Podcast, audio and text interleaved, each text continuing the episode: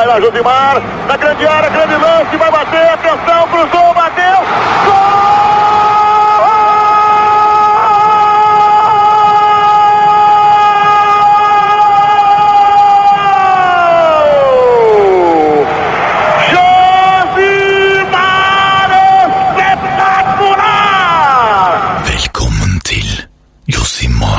Fotballpodkast. Okay, so welcome to the first episode of the what we decided to call Tour de France podcast, Josimar's in broken English edition of, of, of their uh, very well-known podcast. I don't have to introduce myself. I'm a big superstar in uh, in Norway. My name is Saša Ibrulj, and uh, first guest in our Tour de France is conveniently my flatmate and here's here's he with me in super modern studio which is basically a bar uh, in front of our flat. And we have my phone recording us. So monsieur nick ames. Welcome nick. Uh, bonjour, uh, mon ami. yeah whatever. Uh, here's our drinks. Merci. Merci. That's, that's a bit strong for a match day, isn't it? yeah it's a super strong coke Bloody hell. Yeah, but it's not not Coca-Cola Zero, so they'll probably raise this because it's a commercial. It's advertising for Coke. But let's let's start with uh, Euro 2016 preview.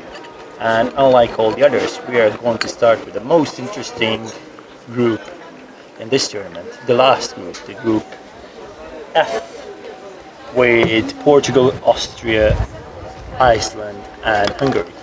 You agree it's the most interesting group? Yeah, it's so tight, isn't it? So so tight. Most interesting group. Um, You know that I was joking, yeah. oh god. Yeah, well, I'm, I'm, I'm back in Hungary all the way, right? Yeah, yeah, but All the way. uh, we'll just just to uh, let know our listeners that we are trying to make this as quick as possible since I'm already late to start the France where we where we'll be at the opening match, uh, France playing Romania tonight. So let's just try to, to do a prediction of, of Group F for the start. What do you see? Who is going into the next round from here? Such an interesting group, as you say. Um, uh, I think it's very tough. I think Austria are going to win it. Austria a bit of an emerging force, aren't they? Yeah, With- they, they look like a team that could be a, a, a, a biggest surprise of this tournament. They've got Al- um, got David Alaba playing in midfield, uh, which is where he wants to be playing. I think doesn't want to be stuck out at left back for much more of his career, like he is for Bayern. Um, Arnautovic wide left. In fact, that whole left side is fantastic. They've got Fuchs, obviously from Leicester Premier League winner, and they play some really nice, quite fluid football. Bit bit slow at the back maybe, but. Um, I think that, um, I think they'll win it. They're much more of a team than Portugal, on whom, as we all know, a lot hangs on Ronaldo's fitness. Um, Portugal to come second, though. I think Iceland will comfortably be third and will have a good chance of making it through as one of the better third place teams. And Hungary, I just don't see much hope for. I think they, they could be one of the worst teams in, the, in this tournament. I don't see a single player who can turn a game, right? Really, on that team. Um, Okay, so let's discuss, or just briefly discuss Group, group E Belgium, Italy, Sweden, Ireland. Obviously, we're all back in Sweden here, right? um, uh, Italy have got a few problems, some they. You, you'd normally have them pushing Belgium fairly hard for top, um, but obviously Verratti out, Marchisio out. Do they really have a striker with Who- much who's going to play in that midfield at all? Do, do they have a single midfielder? Thiago Motta, but he came back after quite a long time out, I think, in a friendly against Spain in, in March. And Yeah, they have a couple of them, but Yeah, none of them being in form. if you, if if you have Motta and De Rossi, for example, you've got old heads, you've got proper Italian heads, which is what I think they'll have to rely on. Their, their Juventus back three of, um, of Chiellini, Bonucci, Barzagli. Maybe you have two experienced defensive midfielders in front of them, and then just hope that something clicks up front. But sometimes in Italy's case, doesn't it, having having that intelligence and knowing how to manage a game, it's taken them a long way before. But I think they're going to find it tough, and I, I don't think they'll win group. What do you think? Well, back back then, uh, back in 2013, when I was at Coverciano, uh, talking to their to their uh, coaching academy boss, uh, one thing that one interesting thing that he said is that they, they function the best when they have uh, most of the problems. So I think that this could this could be the only positive thing at this point for them. So I believe they could. I mean, no, nobody believes in them, so they, they don't have a pressure as, as usual. And this could be a good tournament for them because there is nothing to expect from it. I'd go along with that, and also you have to think about in Belgium's case. I mean, I, I think Belgium are going to win the group because they've got the quality. But the doubt you would have about them is that they haven't really performed at a big tournament yet. And okay, they got to the World Cup quarterfinals, but didn't actually play that well throughout. They didn't move the ball too quickly. They've improved on that aspect in the last two years. I think they attack a lot more quickly. But the defence has obviously been ravaged by injuries. The balance will be off a little bit, and you know they're going to need some momentum. I won't mention the name, but one of our big friends and uh, one of uh, well-known journalists in England uh, called uh, Marc Wilmots, uh, let's say rubbish. So that that can be one of the problems Belgium I think, could they, have. I think they could go a longer way with a more experienced manager. Who- A manager who's experienced more things because Wilmots has been there a long time now. But Yeah. yeah. When it comes to Sweden, Sweden, uh, obviously, their cameras will be on Zlatan. I mean, they've got other players, haven't they? Forsberg on the, I think he'll play on the left, won't he? He's a really nice player from, from Leipzig. Rest of the team fairly workmanlike. but but they they rely too much on, on Zlatan. That's basically Probably, and if he can be kept quiet, I think that early game against Ireland is going to be so important, isn't it? Because if, if Ireland do a job and Ireland are even more workmanlike than Sweden, and they haven't even got a player like Zlatan, so it's very hard to see where, where they can turn the game. But if Ireland keep them quiet and, and get a result, it'll be hard to see them going through. Okay, so let, let, let's skip to, to Group D. The group with Which Spain. Croatia, Spain, Spain, Croatia, Czech, Czech. Czech, Czechia is there well known now. Czechia, Czechia, brand, brand, uh, brand new UEFA nation. Congratulations, joining Kosovo. Um, it's a difficult group, actually, isn't it? It's really difficult. Like, I think it's the most interesting group actually, because Spain is not the Spain that we used to, or it is the Spain that we used to now. the one we used to before 2008. yeah, and this, the the Croatian team is way is having way too much troubles, domestic troubles that are affecting the team largely in the last two years. Individually, I think individually I think they are one of the best teams, or best, they have one of the best players in, How- in, the, in, the, in, the, in the tournament.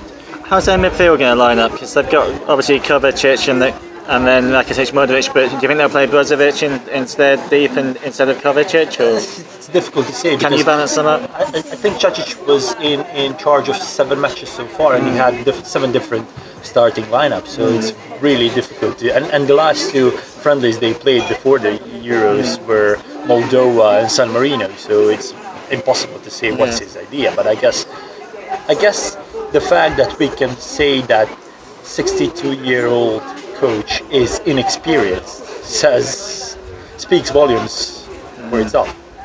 Yeah, I think it's a it's the kind of group where I mean you could see any one of those teams getting a result against Spain, couldn't you? I mean um, that could still mean that Spain win the group, such as it, such as the balance of this tournament. But I mean I look at Turkey and I think all the riches they've got in, in their attacking midfield, such as obviously um, Çalhanoğlu, is, is that how you say it? You know uh, from um, from Yep. the Bundesliga and.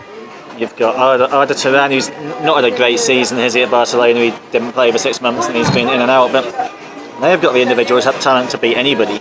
And they and were, they, they have a brilliant coach in terms of, of, of making the best out of even limited. he's done it once before, twice before. So Yeah. so yeah, and also they have that little thing of coming in not through the back door, but as the best third place. Have that bit of momentum right at the end, maybe that bit of luck as well as a, a last minute free kick, I think, by Yeah, yeah, uh, against Iceland. And you kind of think maybe it's set up for them to be the surprise package. And when people talk about their dark horse, they're saying Austria, they're saying teams like this. But I have a little look at Turkey and think maybe they've just got a little bit of momentum behind them, and they've got players who on their day could pick anyone open. Yeah, we'll, we'll be at, at Croatia Turkey on Sunday, and I'm really looking forward to it. Yeah, looking forward to Yeah. no uh, to absolutely no action and, then- and then two last minute goals. So, uh, Yeah, I've- I've actually been to that match as well. So it was one of the most boring 90 or 89 minutes, or what? No, 200 120 minutes. 120, 120, minutes, 120 minutes. And, but at the end, it was a classic. Uh, so Group C, quickly: Germany, C. Poland, Ukraine, Northern Ireland. We'll just ignore Northern Ireland. let's um, Northern Ireland. I, I, I mean, um, the only team Northern Ireland can get out there is Ukraine, who've had a few problems before tournament with Stepanenko and Yarmolenko falling out, and then having an incredibly awkward televised handshake on TV. Have you seen this? no, I haven't seen it. So they fell out when uh, when Dinamo played um, Shakhtar at the start of May. Um, the details are, are too long to go into, but there was a, a scuffle, and there was a bad tackle, red cards, and they had a fight. On, And how was it solved? It was solved by Stepanenko going on TV saying that he wouldn't be Yarmolenko's friend ever again. And then it That's a solution. exactly, exactly. And then, um, so then obviously behind the scenes, uh, the Ukrainian FA, they were panicking. I think, shit, this is. Um, I think, sorry, this is two Yeah. of two of our best. this is a podcast where you can use words like it's not an after, it's not after, it's not an after watershed, uh, a before watershed podcast, um, as we were saying in England.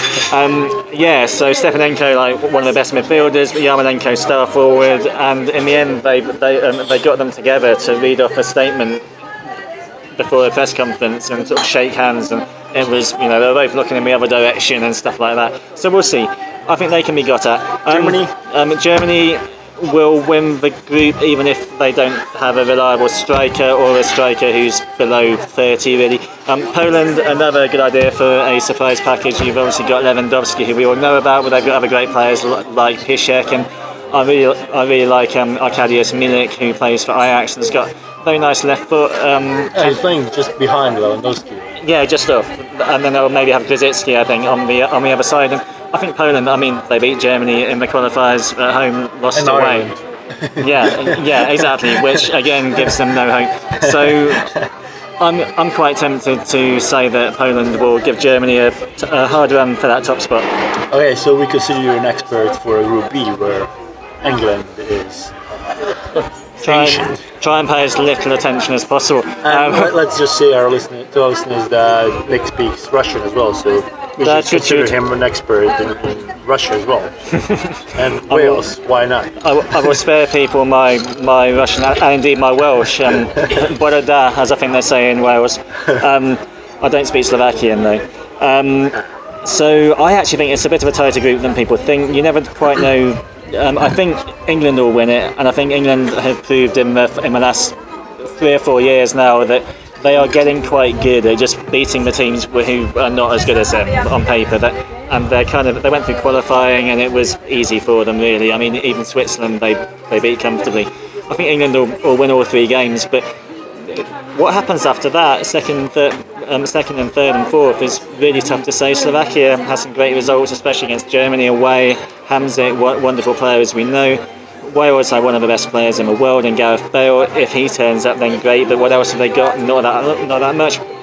Russia absolutely struck by disaster before the tournament. Um, Alan Dzagoev been moved to a deep position by the manager Slutsky and had really been getting them going. Lots of fluid movement from midfield. He's out. Denisov in midfield out as well. Yeah, Um, so our preview in last issue of just Josimar doesn't have it doesn't make any sense because we had all those players. Yeah, included. basically, literally every preview, Every which, preview um, ruined, um, yeah. of, of every group which I've written this entire tournament is totally invalid now. So there's nothing like sounding like a total idiot. Um, And let's move to your favorite topic this year, Albania and Group A. know, should we talk a bit about the Shaka brothers? Yeah, just just for you guys to know, he wrote three different pieces, which are not that different. I say different. Yeah. um, so, um, well, yeah, the the um, it- well, it's pronounced Jaka rather than Chaka or even Shaka. So the Jaka brothers um, Our brothers. are brothers. They are indeed brothers. countries. They play for different countries. Tomorrow, Albania, Switzerland. Um, I mean, don't write off Albania. I mean, they had a bit of fortune in qualifying. We know about that, don't we? The, the abandoned game in Serbia, the three points they eventually got. The fact that after winning in Portugal, the only teams they, well, team they beat was Armenia twice. But they're a good unit. Like defensively, they're strong. I don't think they'll concede many. Can they score enough? I don't think so. Um, Romania are a team that you know you'd be tempted to say could finish bottom there. They've got a couple of good names. There's a guy Nicolae Stanciu who'll play at number ten, who's a bit of a little Hagi almost. He's quite stocky, 23 years old, nice little Steaua Bucharest player. You've seen Romania against Hungary? Hungary? I've seen them on the telly, Yeah. uh, but I've not actually been to one of their qualifiers. I don't think. Um, but I think they're weak at the back. They're fairly weak in midfield. I think they'll finish bottom of the group. I think they'll concede quite a few against France tonight. France, you can't look beyond for winning the group. There you Um, guys will already know the result of the France match. Yeah, three 0 we don't have to tell you that, but Um, and I'll, I'll, I'll just say Switzerland. uh, I mean, I think because it's not a difficult group, Switzerland will be comfortably second. But I'm not convinced by Switzerland. Yeah, they've, uh, they've had I've some been in slightly iffy watching them results. against Bosnia, and they were What very, very bad. So Bosnia won that game. Yeah, almost with an ease. Almost with an ease, yeah, which was impressive because we have, or Bosnia have, a lot of troubles lately, but Switzerland, Switzerland was just very bad, especially at the back. So, but to to, to, to be honest, I think they uh, Petkovic was without a couple of players in that match, so we'll probably see a completely different team tomorrow. But still, I, I think it's one of those multicultural teams where where I'm not sure that it's working.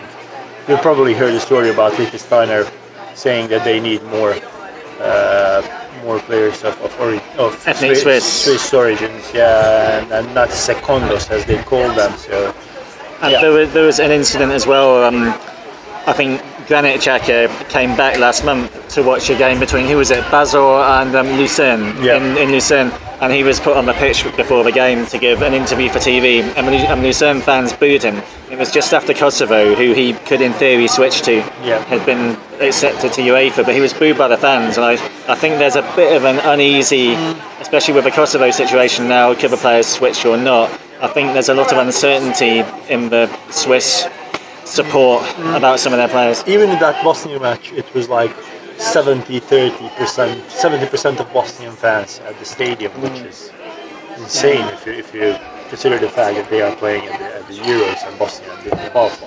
Absolutely. Okay, so that's about it. I'm heading to Saint Denis. We are, You're watching some football. yeah, I'm watching. It's been here two days and you're watching some football. Probably boring football, but a good thing is we are going to Lens tomorrow to watch even probably even more boring match between Albania and Switzerland, and we'll probably have. Uh, if you consider this to be a pilot edition of Tour de France, we'll probably have someone some someone speaking to us tomorrow at at Lens. Thank you for listening to us. If you managed to listen, if you managed to hear anything, because the guy wants to. It's quite out. ambient in here. Yeah.